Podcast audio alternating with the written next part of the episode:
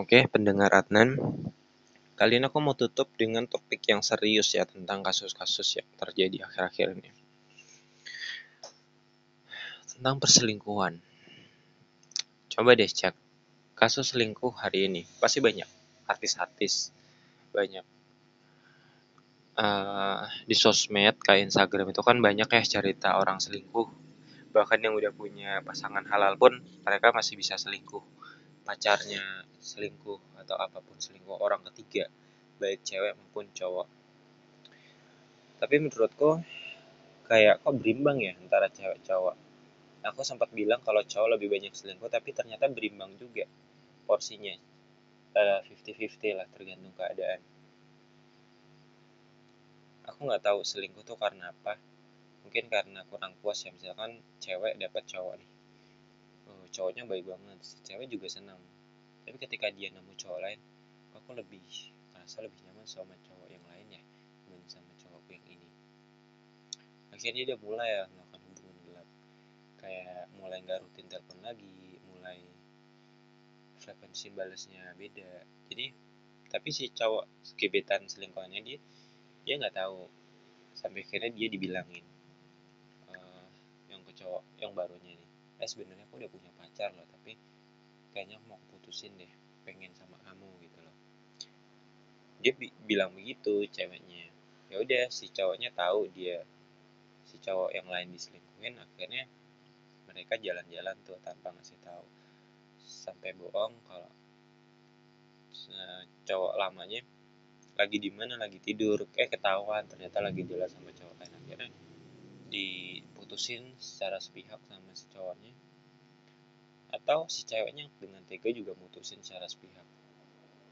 Mutus secara sepihak tuh kayak putus tapi cuma satu yang pengen putus. Yang lainnya tuh pengen lanjut tapi diputusin secara paksa.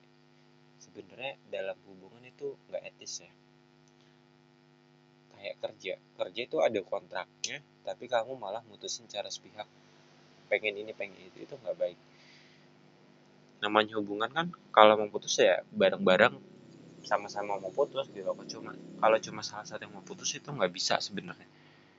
Ong hubungannya juga sama-sama suka terus setuju untuk jalin hubungan kalau mau putus juga sama-sama setuju dong. Harusnya begitu. Kecuali aku mengecualikan kasus perceraian ya.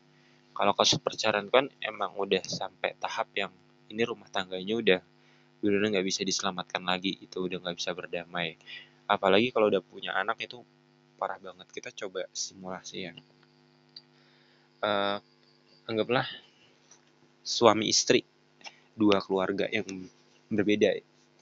Si A punya istri B si C punya istri namanya D. Nah si C yang cowok ini akhirnya selingkuh sama si B cewek. Keduanya udah punya anak nih satu akhirnya apa? Ketahuan. Oh si B sama C selingkuh nih. Padahal A sama D itu udah baik sama pasangan masing-masing tapi kok selingkuh gitu loh. Apa nggak mikir anaknya? Ya Allah alam. Mungkin karena nafsu kan? Karena suka akhirnya melakukan jalinan hubungan gelap ya udah. Keduanya diceraikan oleh pasangan masing-masing. Akhirnya apa? Hak asuh anaknya si A dan B diambil oleh si A cowoknya. Sedangkan hak asuh anak. Yang lain C sama D diambil oleh yang cewek D.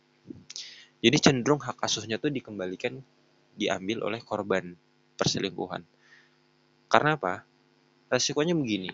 Kalau si anak sekalipun itu ibunya tapi karena ibunya selingkuh ini menurutku uh, berdasarkan cerita-cerita yang aku dengar ya itu kayak takutnya si ibu ini mengulangi kesalahan yang lagi dan sebagainya. Tetap si ibu punya hak untuk semisal anaknya tuh masih kecil ya itu bolehlah menyusui jalin tapi aku ini masih ambigu juga sih kalau posisinya yang kayak AB kalau C dan D kan jelas hak asuhnya diambil sama D ya dia selain korban perselingkuhan juga masih ibu dari anak-anak itu.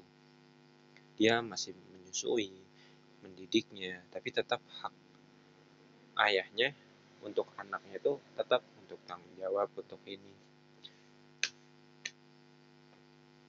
Ya kan? Nah ini yang masih aku pelajarin soal perselingkuhan tentang perceraian ini.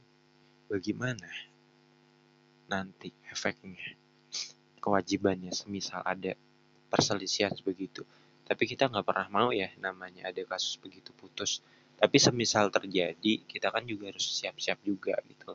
Sama halnya uh, ini prediksi cuaca hujan nih. Tapi kok hawanya nggak hujan ya? Ya kita bawa payung aja perkara nanti hujan atau enggak ya udah nggak hujan ya alhamdulillah nggak kepake payung. Kalau hujan ya tinggal dipakai payungnya. Ya enggak kayak gitu